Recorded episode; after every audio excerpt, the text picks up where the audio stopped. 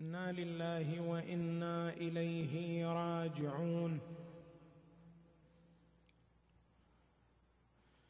صلى الله وسلم عليك سيدي ومولاي يا رسول الله. وعلى آلك الطيبين الطاهرين المظلومين لعن الله الظالمين لكم.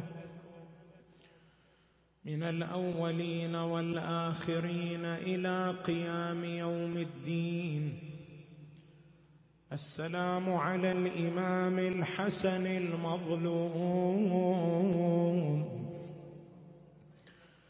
السلام على المقطعة كبده بحرارة السموم. السلام على صاحب القبر المهدوم. لله رزء لله رزء به كم للرشاد هوى. ركن وكم فيه بيت للضلال. بني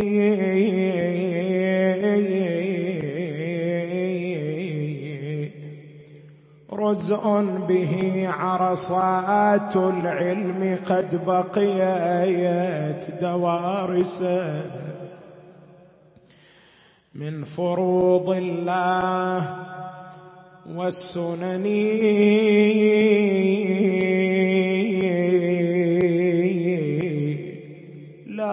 غر وإن تكن الأكوان قد خلعت. ثوب المحاسن من حزن على الحسن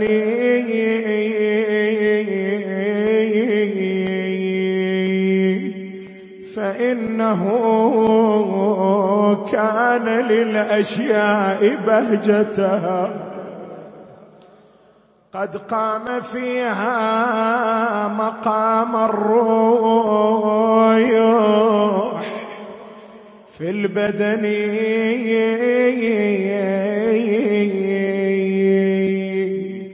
ما للقضاء وللأقدار فيه مضى. وهو الذي أبدا لولايا. لم تكني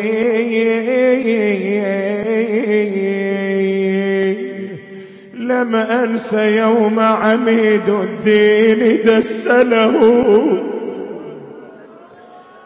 من جعدة السم سرا عابدا.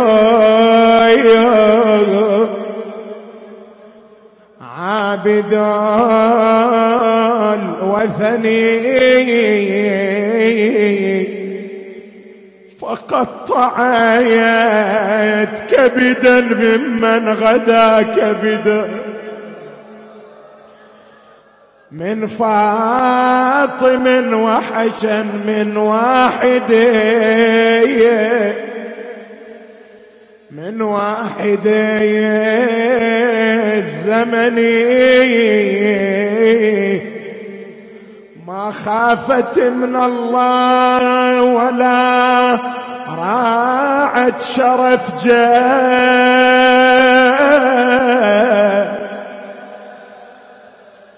مقسى قلبها سمته بنت الوغد جاء.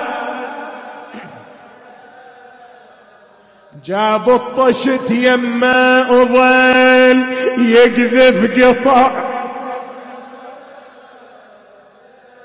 ما اسمع صوتك جاب الطشت يمه وظل يقذف قطع. يلا صوت واحد. شبده قذف صار. يا حسين يا أخو. يا حسين بوصيك بوصية اليوم يسنى من بعد عيني يا عزيزي تكفلوا له اليوم باقي مدتي بروح لجدة. صوتك وياي. حاني الأجل بامو. يا حسين يا اسمع اسمع هذا الأمر مكتوب. من رب السما العال لا أنا أموت بسم وانت تنذبح بحسن لكن حسافة ما بلغنا في عرس. خل اسمع صوتك لكن حسافة ما بلغنا في عرس. لا تأخر ازفا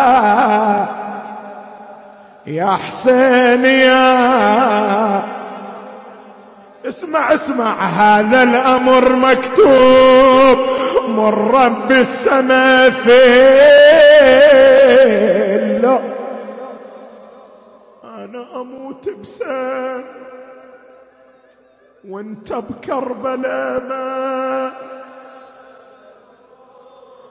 أقول وأنا أحصل لي جفن وانت تظلمه عاري على الرمضة.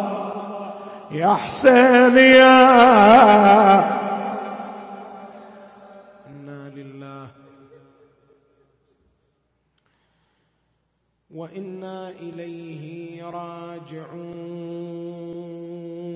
وسيعلم الذين ظلموا آل بيت محمد حقهم.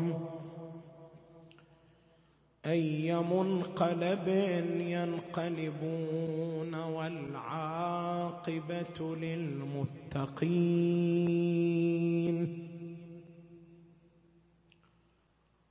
ورد عن ابن عباس أنه قال أول ذل دخل على العرب موت الحسن بن علي.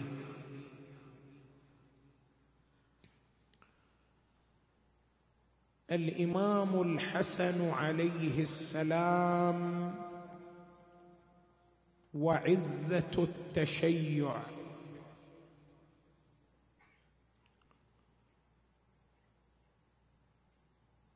ابن عباس في الكلمة التي سمعتها يقول أول ذل دخل على العرب موت الحسن بن علي.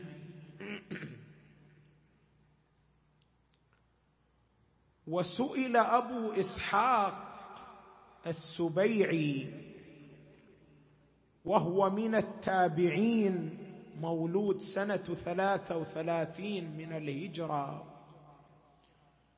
سئل عن أول ذل أصاب الناس فقال حين مات الحسن بن علي وادعي زياد وقتل حجر بن عدي.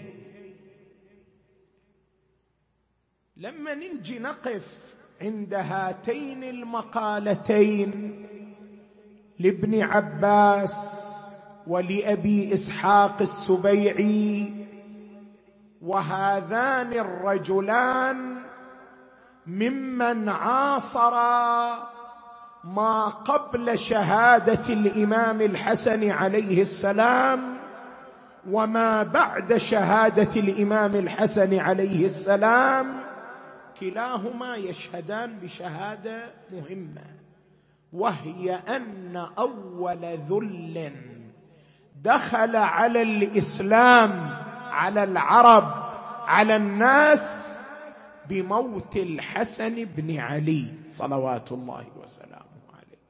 شنو معنى هذه الشهادة؟ حتى يتضح المقصود وحتى نستطيع الوصول إلى أبعاد هذه الكلمة. فإننا نحتاج أن نقف عند نقاط ثلاث. النقطة الأولى هي أن مشروع الإمام الحسن صلوات الله وسلامه عليه هو عزة التشيع. شلون مشروع الإمام الحسن عليه السلام هو عزة التشيع؟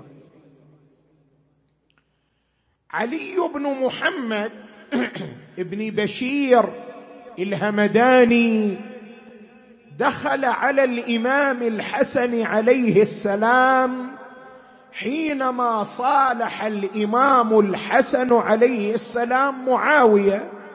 وإحنا نعرف أن صلح الإمام الحسن مع معاوية كان في بدايات إمامة الإمام الحسن صلوات الله وسلامه عليه. أو فقل في بدايات خلافة الإمام الحسن عليه السلام. دخل على الإمام. قال السلام عليك يا مذل المؤمنين.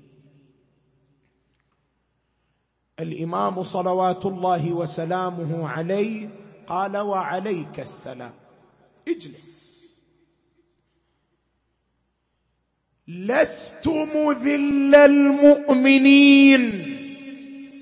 ولكني معزهم. الإمام الحسن يرفع شعار العزة يقول أنا مشروعي هو مشروع إعزاز المؤمنين لست مذل المؤمنين ولكني معزهم.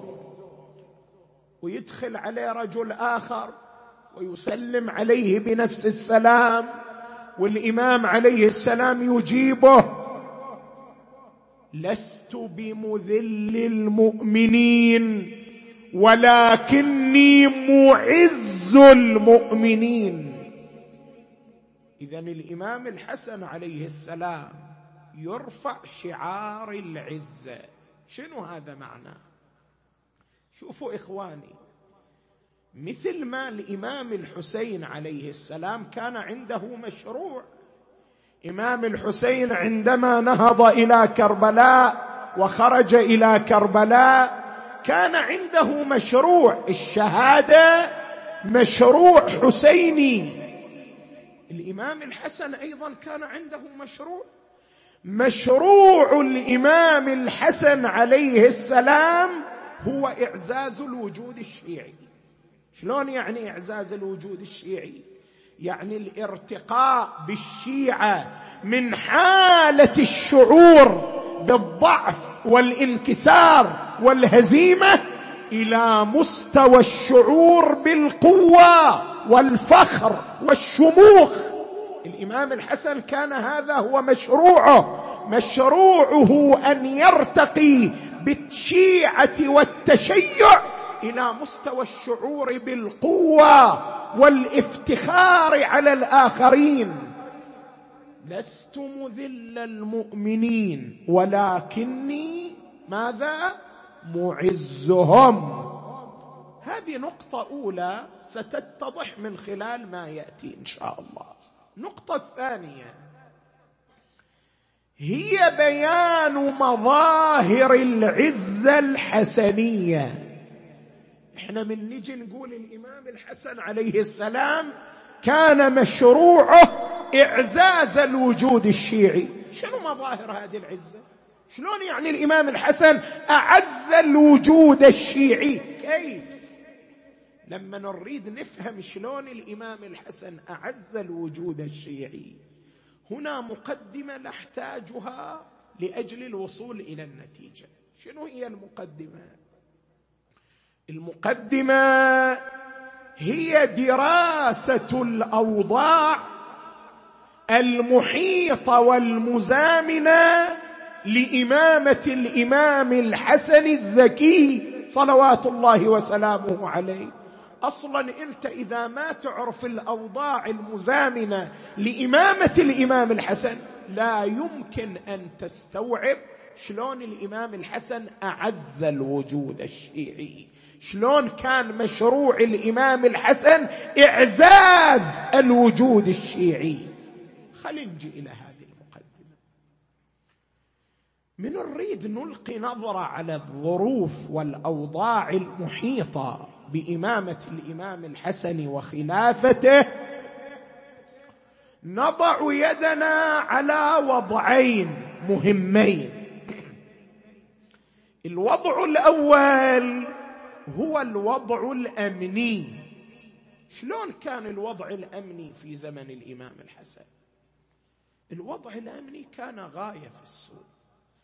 كان الإنسان لا يستطيع أن يتنقل من بلد إلى بلد أخرى وهو آمن على حياته. مو هذا. بل كان الإنسان في بلده مهددا في أمنه. شلون؟ ليش؟ يعني ليش كان الأمن غير مستقر في زمن الإمام الحسن؟ لماذا؟ باعتبار أن سياسة أهل الشام كانت قائمة على الغارات. شلون غارات؟ يعني كانوا يرسلون جيشا كتيبة بين الفينة والأخرى وهذه الكتيبة وظيفتها الهجوم على أطراف البلدان الإسلامية اللي كانت خاضعة لحكومة أمير المؤمنين وإدخال الرعب على أصحاب تلك المناطق. هذه السياسة الشامية آنذاك. شنو عندنا من شواهد على ذلك؟ شواهد عديدة لكن ما عندي وقت أذكرها. الشاهد الأول بسر بن أرطأ. بسر بن أرطأ بعثه معاوية إلى المدينة كما في تاريخ الطبري بعثه معاوية إلى المدينة في جيش في جيش. فدخلها وأخاف أهلها وهدم بعض الدور منها. ثم خرج إلى اليمن وقتل ولدين من أولاد عبيد الله بن العباس. وذبح جماعة كثيرة من شيعة أمير المؤمنين عليه السلام. وهو في مسيرة وين ما يجد جماعة من شيعة علي كان يذبحهم ويقتلهم. هذه واحدة من غارات معاوية من غارات الشام. على ماذا؟ على البلدان الخاضعة لحكومة أمير المؤمنين عليه السلام. أجيب لك نموذج ثاني. الغارة التي قام بها سفيان ابن عوف الأزدي خرج في ستة آلاف قاصدا منطقة هيت. وين منطقة هيد؟ منطقة مقاربة لبغداد. فقطعها ثم انتقل إلى المدائن والأنبار وقتل رجالا ونساء كثيرا اذا أنت من تجي تقرأ الوضع الأمني في زمن الإمام الحسن عليه السلام كان الوضع الأمني بسبب الغارات الشامية في غاية السوء وكان الشيعي وهو في بلده غير آمن على حياته ولا على ماله ولا على أولاده. اذا الوضع الامني كان وضعا سيئا. هذا واحد. نجي إلى الوضع الثاني الوضع الديني. شلون كان الوضع الديني؟ المزامن لإمامة الإمام الحسن عليه السلام. الإمام علي إخواني لما استشهد سلم الإمام الحسن تركة ثقيلة. سلم الإمام الحسن مسؤولية كبيرة. ليش؟ باعتبار أن أمير المؤمنين عليه السلام لما تصدى لمقاليد الحكم كان الوضع الديني حرجا خطيرا. ليش الوضع الديني خطيرا حرجا لأمرين؟ الأمر الأول تطويق وفرض الحصار على المصدر الثاني من مصادر التشريع. إمام علي من إجا واستلم مقاليد الحكم. كان المصدر الثاني من مصادر التشريع معطلا محاصرا. طوق بطوق مشدد مكثف. فما كان أحد يحدث بأحاديث رسول الله صلى الله عليه وآله. أنت شنو تتصور النتيجة؟ شريعة مكونة من كتاب وسنة. أخذ بالكتاب عطلت السنة. شنو رايح يصير الوضع الديني؟ رايح يصير الوضع الديني وضع حرج وضع خطير. هكذا تسلم أمير المؤمنين مقاليد الحكم. هذا أمر أول. الأمر الثاني انتشار البدع. من اجى أمير المؤمنين وأمسك مقاليد الحكم كانت البدع منتشرة. من أقول بدع يعني شنو بدع؟ البدعة هي إدخال ما ليس من الدين في الدين وإخراج ما هو من الدين. ماذا؟ عن الدين. إمام علي من اجى استلم الأمور وجد أمورا ليست من الدين قد أدخلت في الدين ووجد أمورا من الدين ومن صميمه. ماذا؟ قد أخرجت عن الدين. حي على خير العمل. كانت من الأذان حذفت صلاة الجماعة في النافلة كانت محرمة فأدرجت وصارت النوافل تقام في شهر رمضان وغيره مع الجماعة. الامام علي من استلم مقاليد الحكم استلم المقاليد وقد انتشرت البدع. لذلك الإمام علي عند كلمة يتحدث فيها عن الوضع شو يقول فيها؟ طبعا أنا ما رايح أنقلها بنصها ما أقدر أنقلها بنصها. ولقد عملوا اعمالا خالفوا فيها رسول الله صلى الله عليه وآله. ولو أردت أن أرجعها إلى مواضعها وإلى ما كانت عليه على عهد رسول الله لتفرق عني جندي وبقيت وحدي. الإمام علي يقول هذه البدع صارت سنن صارت شرائع صار الدين يتعبدون إلى الله به. من هنا الإمام علي واجه وضعا دينيا خطيرا من الناحيتين. وطبعا الإمام علي خمس سنوات تم اغتياله في محراب الصلاة لم يمكن تصحيح هذا الوضع الديني بمقدار تام فسلم التركه ثقيلة لمن؟ للإمام الحسن عليه السلام. فاستلم الإمام الحسن مقاليد الحكم وكان الوضع الديني على هذه الشاكلة.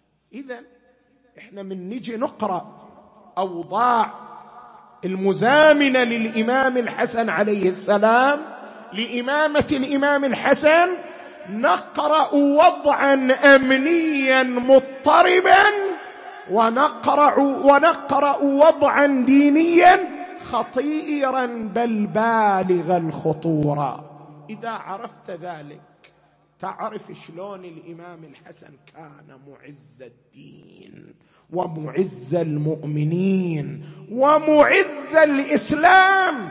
وشلون كان مشروع الإمام الحسن؟ هو إعزاز الوجود الشيعي. خلنا نتعرف على مظاهر العزة الحسنية. مظهر الأول تقييد معاوية بالعمل بالكتاب والسنة. أنت من تجي تقرأ بنود الصلح اللي كان بين الإمام الحسن ومعاوية شنو أول بند كان في صلحه؟ وصالحه على أن يسلمه ولاية الأمر. على أن يعمل فيهم بالكتاب والسنة. شنو هذا البند يعني؟ هذا البند يعني شيئين. الشيء الأول يعني إحضار المصدر الثاني من مصادر تشريع. هذا المصدر اللي كان مغيبا الإمام الحسن صلوات الله وسلامه عليه أصر على أن يكون ماذا؟ حاضرا فاعلا وأخذ ذلك على معاوية بن أبي سفيان. هذا الشيء الشيء الآخر سد الباب على معاوية. لكي لا يعتمد أي مصدر تشريعي غير هذين المصدرين. شلون؟ باعتبار أن غير الشيعة كانت عندهم مصادر أخرى للتشريع ولذلك أسسوا قاعدة عدالة الصحابي وأسسوا قواعد أخرى. فالإمام الحسن أراد أن يسد الباب على معاوية فأخذ عليه أن يعمل بماذا؟ بالكتاب والسنة. وبذلك ضرب عصفورين بحجر واحد صلوات الله وسلامه عليه. اذا المظهر الأول من مظاهر العزه للدين أن الإمام الحسن أعاد المصدر الثاني من مصادر التشريع حيا وجعله حاضرا فاعلا بعد أن كان مغيبا لعشرات السنوات. هذا واحد. اثنين المظهر الثاني من مظاهر العزة الحسنية توفير الأمن العام في البلاد الإسلامية. اقرأ بنود الصلح بين الإمام الحسن وبين معاوية. تقرأ هذا البند. وصالحه على أن الناس آمنون في كل حيث كانوا في أرض الله في عراقهم وشامهم وحجازهم ويمنهم. ولذلك بعد أن كانت الغارات الشامية تهدد البلدان الإسلامية وما كان أحد يجرؤ على قطع طريق ومدينة إلى مدينة أخرى ساد الأمن والأمان في عهد الإمام الحسن عليه السلام وصارت بلاد الإسلام عزيزة ببركة صلح الإمام الحسن الزكي عليه السلام. هذا مظهر ثاني من مظاهر العزة الحسنية المظهر الثالث تأمين الوجود الشيعي وتأمين حقوقه. شوف واحد من البنود المهمة في صلح الإمام الحسن واللي الإمام الحسن أصر عليها وفعلها مدى حياته وصالحه على أن أصحاب علي وشيعته آمنون. في أنفسهم وأموالهم وأولادهم ونسائهم. واحد من البنود اللي أخذها الإمام الحسن توفير الأمن والحقوق الاجتماعية والفكرية لشيعة أهل البيت عليهم السلام. وظل الإمام يترقب ويرصد كل تجاوز على شيعة أهل البيت ويعترض عليه. هل أجيب لك شاهد على ذلك؟ زياد ابن أبيه شوف شلون العزة الحسنية. زياد بن أبيه في عهد إمامة الإمام الحسن وبعد أن تم الصلح مع معاوية طلب واحدا من أصحاب الإمام عليه السلام. هذا اجى للإمام الحسن. قال له مو أنت ماخذ صلح ويا معاوية؟ واحد من بنود أن لنا الأمان. هذا زياد بن أبيه يطلبني. الإمام الحسن كتب إلى زياد. كتب له إن فلانا أتاني وأبلغني أنك تعترضه. فلا تتعرض له إلا بخير. زياد ابن أبي وصله كتاب الإمام الحسن وأجاب الإمام الحسن بصلافة بجلافة. شنو جاوب الإمام؟ قال أتاني كتابك في فاسق. يأويه الفساق من شيعتك وشيعة أبيك. وأيم الله لأطلبنهم ولو كانوا بين جلدك ولحمك. وإن أحب لحم إلي آكله للحم أنت منه. وصلت الرسالة. القذره من زياد إلى الإمام الحسن عليه السلام. قرأها. الامام الحسن كل تصرف ما تصرف. أخذ الرسالة أرسلها إلى معاوية بن أبي سفيان.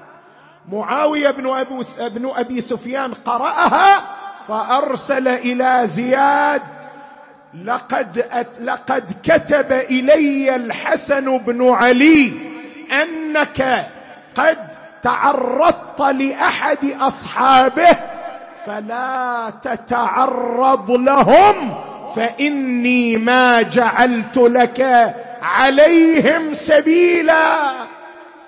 الإمام الحسن عليه السلام كان يرصد كل تجاوز يمس الوجود الشيعي فكان صلوات الله وسلامه عليه يمنعه ويحتج ويعترض.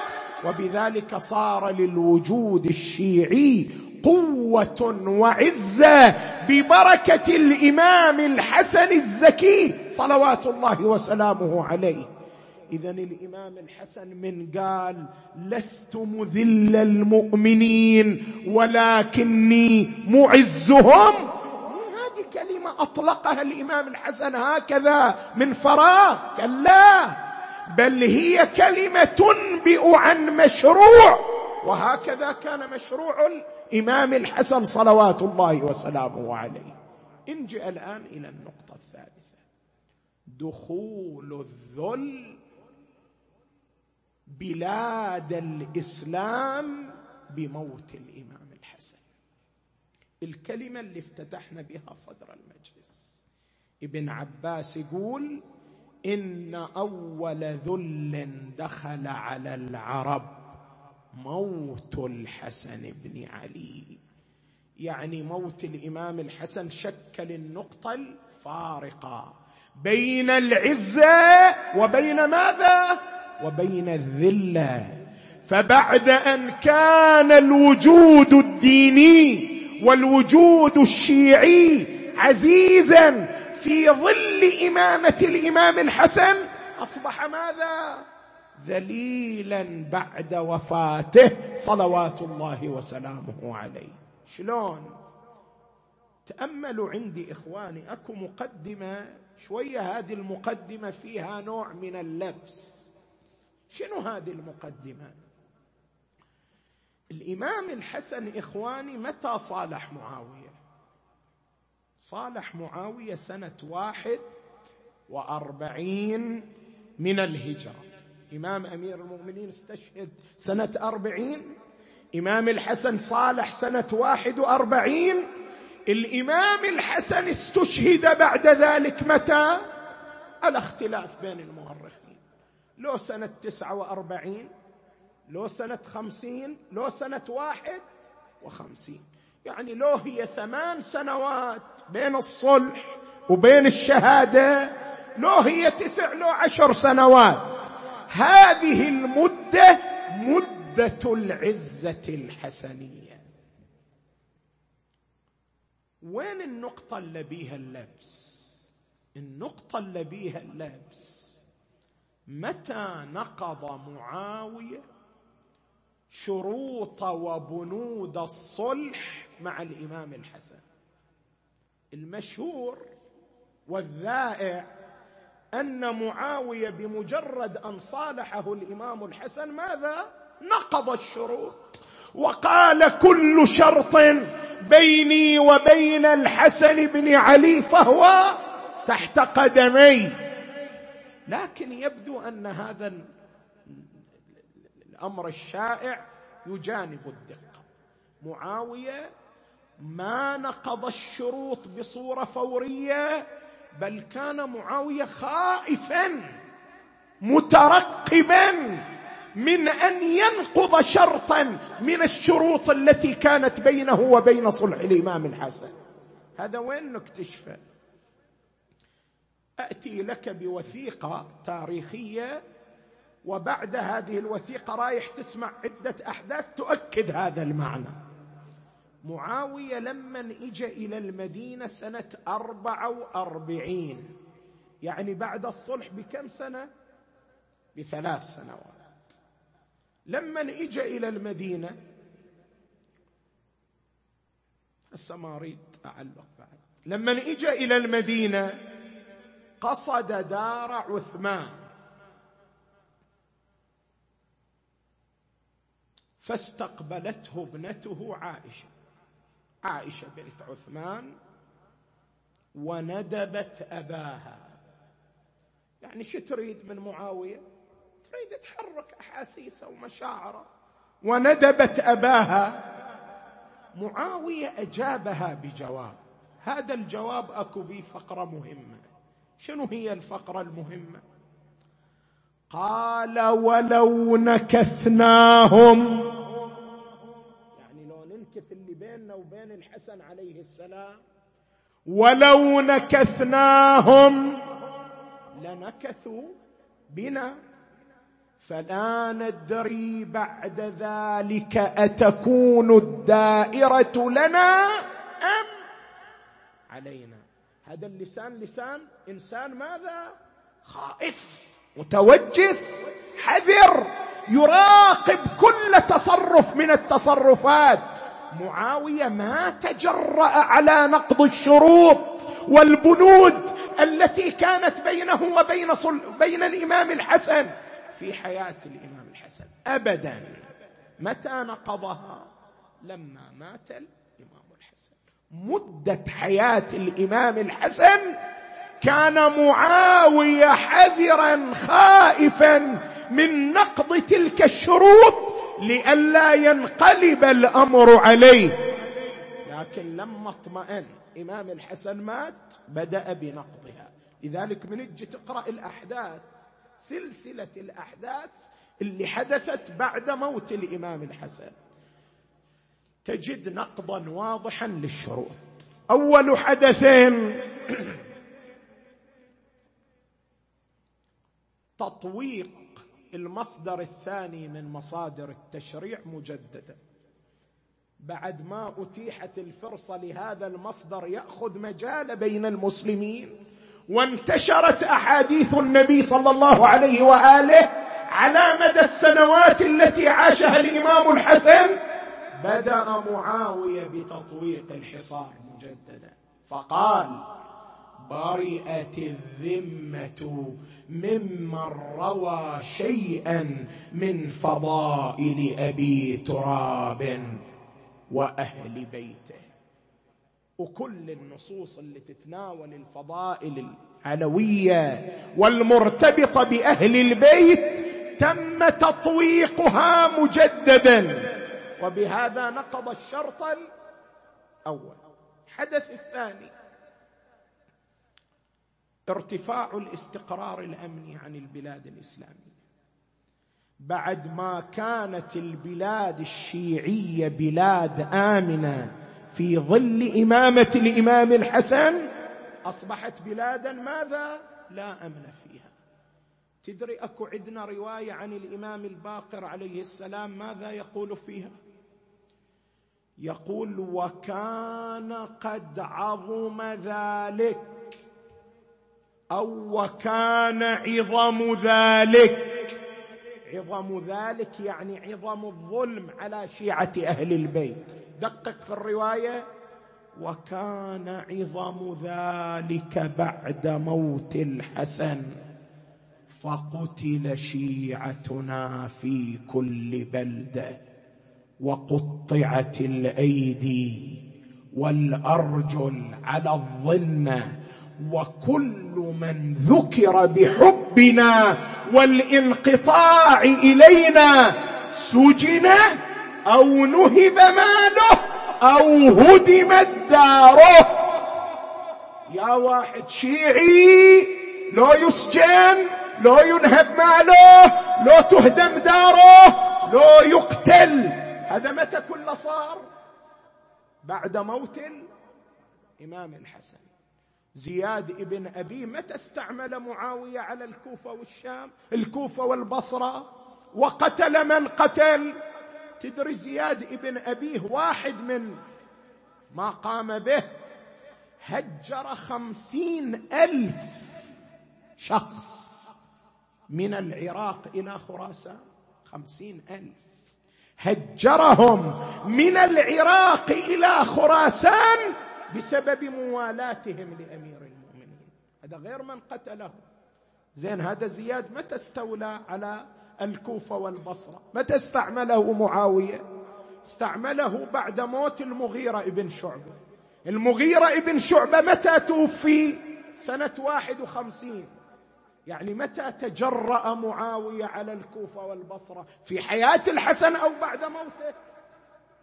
بعد موت الإمام الحسن. ما دام الحسن موجودا كان الوجود الشيعي عزيزا. الإمام الحسن أعز الدين وأعز التشيع. هذا حدث ثاني. الحدث الثالث تتبع كبار الصحابة والتابعين الموالين لأمير المؤمنين. حجر ابن عدي قتله وقتل أصحابه بعد أن طلب منهم البراءة من أمير المؤمنين عليه السلام فرفضوا قتلهم. متى قتلهم؟ في مرج عذراء سنة أربعة وخمسين من الهجرة. يعني تجرأ عليهم في حياة الإمام الحسن؟ كلا. لما قتل الحسن تجرأ على أصحابه. فقتل حجر بن عدي وأصحابه وقتل عمرو بن الحمق الخزاعي وطافوا برأسه في البلدان وكان أول رأس يطاف به في الإسلام. صلى الله عليك يا أبا عبد الله. وكان أول رأس يطاف به في الإسلام وحبست زوجته بجرم زوجها وكانت أول امرأة تحبس في تاريخ الإسلام. وهكذا نفي صعصع ابن صوحان إلى البحرين وقيل بأنه قتل فيها.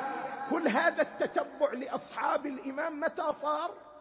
بعد قتله عليه السلام. هذا حدث ثالث. الحدث الرابع المجاهرة بلعن أمير المؤمنين. صلوات الله وسلامه عليه على منبر رسول الله صلى الله عليه وآله في المدينة المنورة.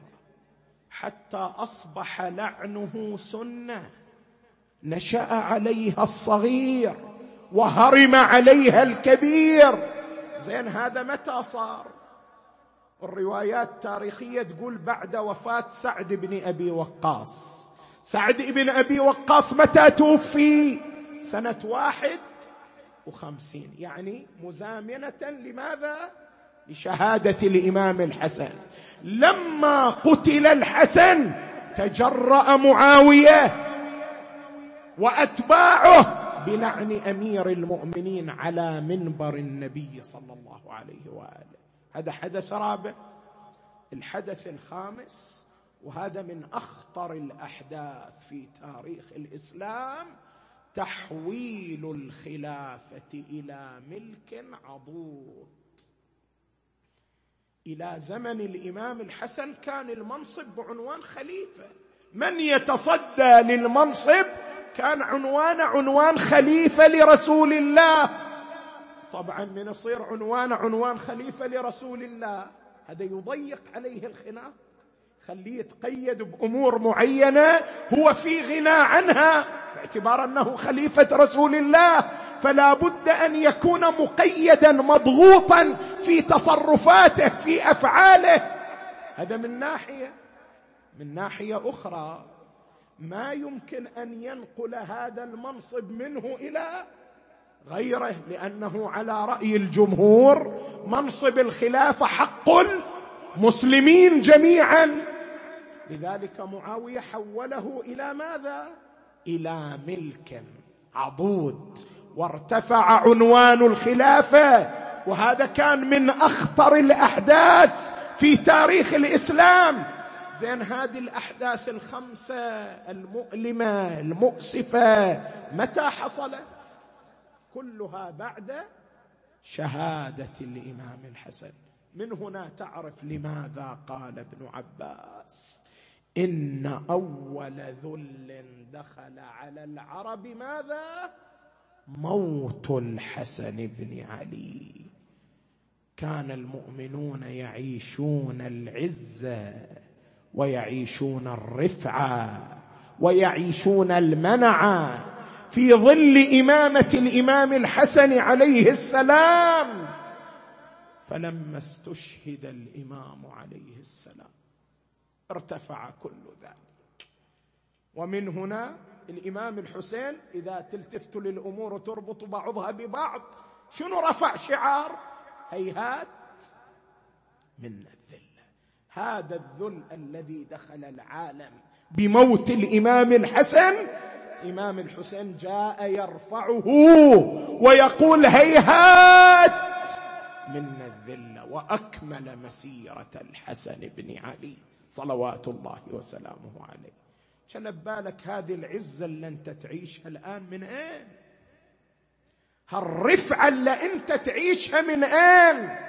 هالشموخ النفسي والشعور بالقوة من أين؟ من أنفاس سيد الشهداء صلوات الله وسلامه عليه. اذا الإمام الحسن أعز الوجود الشيعي وضيق الخناق على معاوية ولذلك معاوية ما تحمل. فكان يتربص الفرصة بالإمام الحسن. وكانت النتيجة أن جيء بسم من الروم من الروم. أن جيء بسم قتال لأجل إنهاء حياة الإمام عليه السلام. وكان الإمام بأبي وأمي صائما في يوم صائف قائض شديد الحرارة. فرجع بأبي وأمي إلى البيت. وقدمت له زوجته جعدا شربة من اللبن. وقد وضعت السم فيها. فما إن ذاق منها قليلا وإذا به يشعر كأن أحشاءه تقطع بالمواس وتشرح بالسكاكين ألا وحسنا. تدري تدري واحد من أهل البيت يروي لنا الحدث شي يقول؟ يقول فلما شرب السم المعذرة معذرة أوصف لك الحال. يقول صار يجوب البيت عرضا وطولا. شلون حرارة هذا السم شلون تمكن من جسده الشريف؟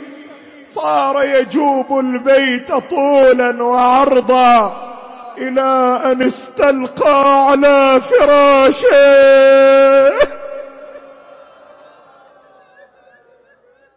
علم قلبك شيعي موالي على إمامك شوية. تدري إمامك كم يوم صار يتحمل حرارة السوم؟ كم يوم صار يتحمل آلام السوم؟ أربعين يوم. أربعين يوم وإمامك يعالج آلام السم وحرارة السم دخل عليه أبو عبد الله لما رآه على تلك الحالة اعتنقه إلى صدره. وجرت دموعه على خديه. المعذرة الشيعه تقول الرواية فالتفت إليه الإمام الحسن. قال له مما بكاؤك أبا عبد الله. لا يوم كيومك يا أبا عبد الله. أنت تبكي علي يا أبو علي. ترى يومك أشد وأعظم أبا عبد الله. يومي لا يقاس بيومك. عظم الله أجوركم ثم التفت إلي. وقال أبا عبد الله أسندني إلى ظهرك أسنده الحسين إلى ظهره. ما عندك أخي أبا محمد؟ قال أخي أبا عبد الله علي بالطشت الذي تحت السرير. أخذ الطشت وضعه بين يدي فانحنى إمامكم وصار يتقيأ كبدا ويقذفوا أحشاء أمام مناد وحسنا بينما الحسين ينظر إليه ودموعه تسيل من فمه المعذرة شيع موالين وإذا بهما يسمعان صوت أنين خلف الباب. أنين ما؟ أنين الهاشميات أنين العلويات أنين زينب وأخوات زينب؟ قال أخي أبا عبد الله أخف هذا الطشت عن عيني لئلا ترى ويرتاع قلبه. أخذ الإمام الحسين الطشت أخفاه جانبا. دخلت مولاتنا زينب تطمئن على أخيها المعذرة شيعة صارت تنظر يمينا وشمالا فوقعت عينها على ذلك الطفل أقبلت رفعت الغطاء عنه فوجدت كبدا مقطعا فنادت واخاه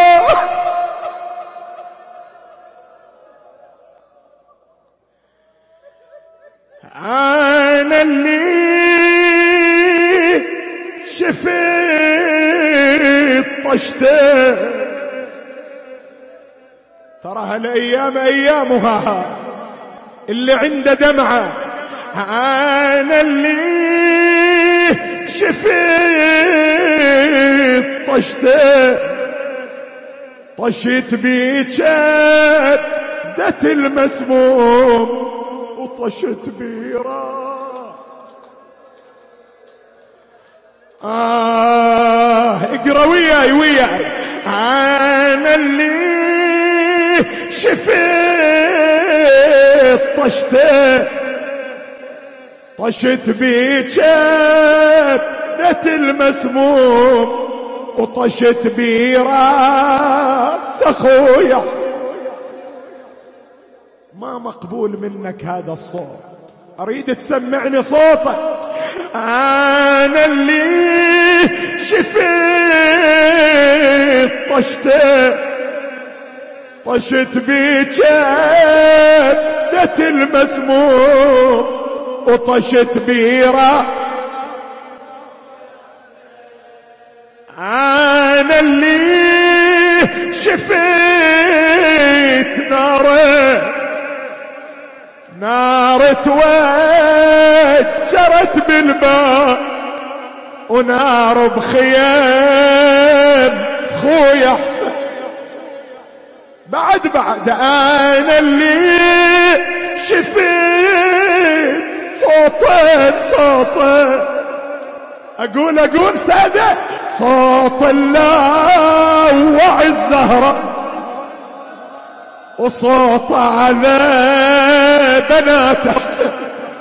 يا علي أنا اللي شفت صوته صوت الله وعي الزهرة. وصوت على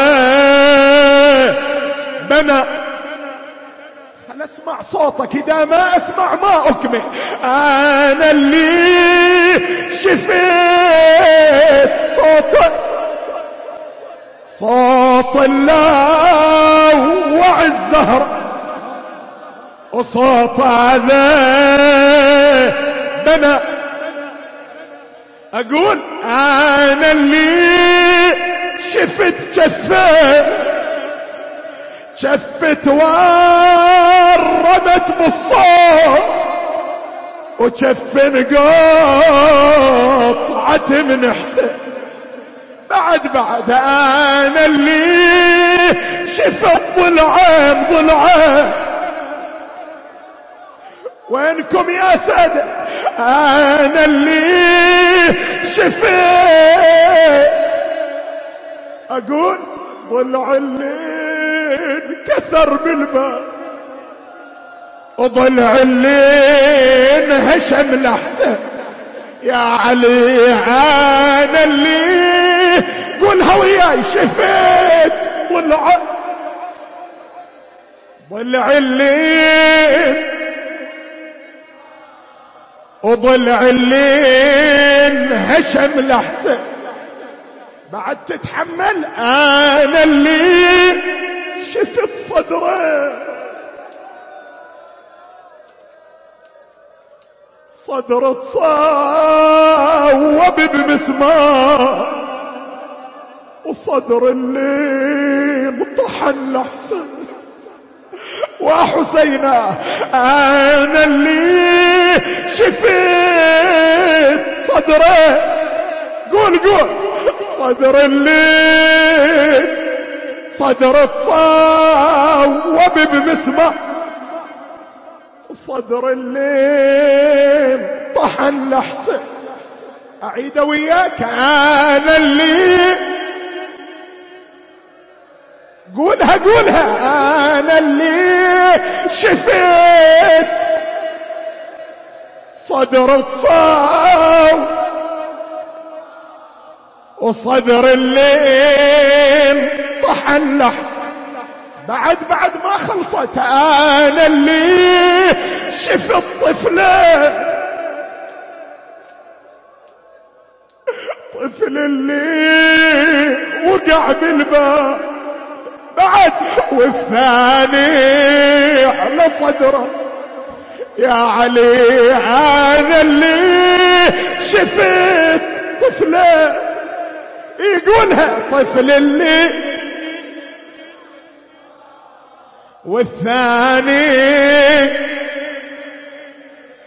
الآن أنتوا الشيعة بعد ما أدري تتحملوها هذه لولا. أنا اللي شفت حبلين حبلين. حبل برقبة الكرة وحبل برقبة ابن حسين.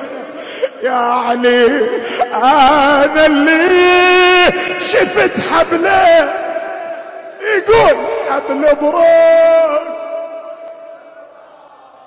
وحبل بروق بت بن حسن بعد أنا اللي شفت سهمة.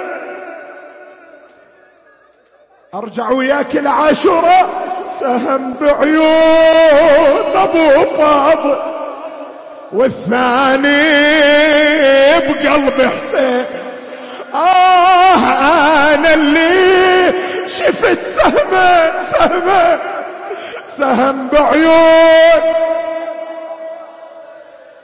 والثاني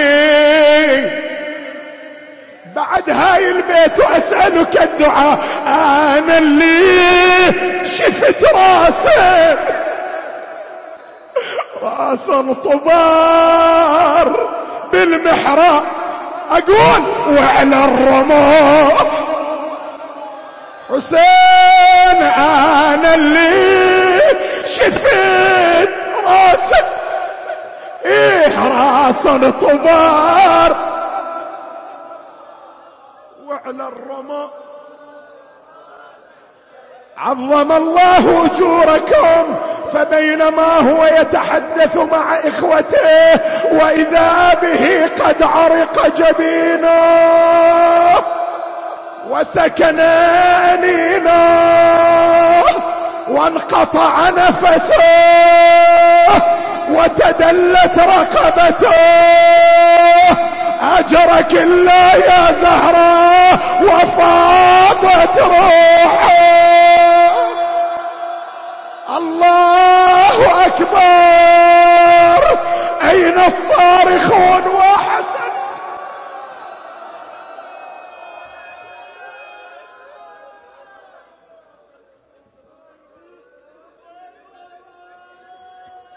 وإماما وحسنا ومظلوما ما أقدر أقرأ وفاة الإمام الحسن من غير ما أقرأ ظلامته. اسمع يا موالي حملوا جنازة إمامكم على الأعناق. أقبلوا يجددون بها عهدا برسول الله المعذرة شيعة فأقبلت المرأة ومعها أربعون رجلا. وقالت أيدفن الحسن عند جده ويدفن فلان خارج المدينة. لا كان ذلك وأبدا يا قوم أرشقوا الجنازة بالسهم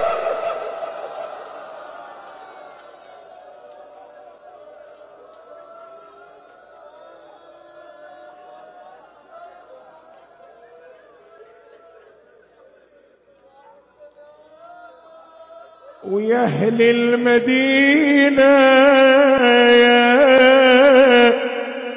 ونت الزهر اسمعوه. تعزيها. ترى هي المؤلمة هذه الليلة. هي المفجوعة هذه الليلة. ويا أهل المدينة. يا ونت الزهره شلونا وسطة قبرها تصيح. كبدي قطع عني الصفايح يا محبين ارفعوا. كبدي مثل كبد الحسن تقطعت باسمه. يلا يلا وياها كبدي مثل كبد كبدي قبل كبد الحسن بطش الطاحة يا زهرة يا زهرة. كبدي قبل كبد الحسن بطش وروحي قبل روح الحسن يا ناس وإن كان زينب بالعزاء ضجت وصاحت. زينب بكت بدموع واني دمعي دموع. أدهن راسي.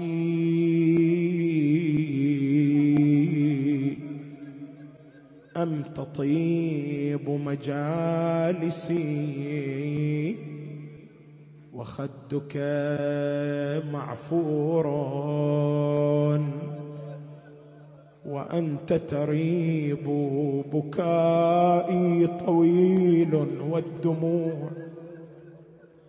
نسألك وندعوك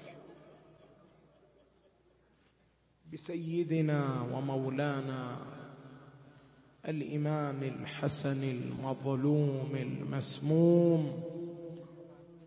فرج عنا بتعجيل فرج مولانا صاحب العصر والزمان.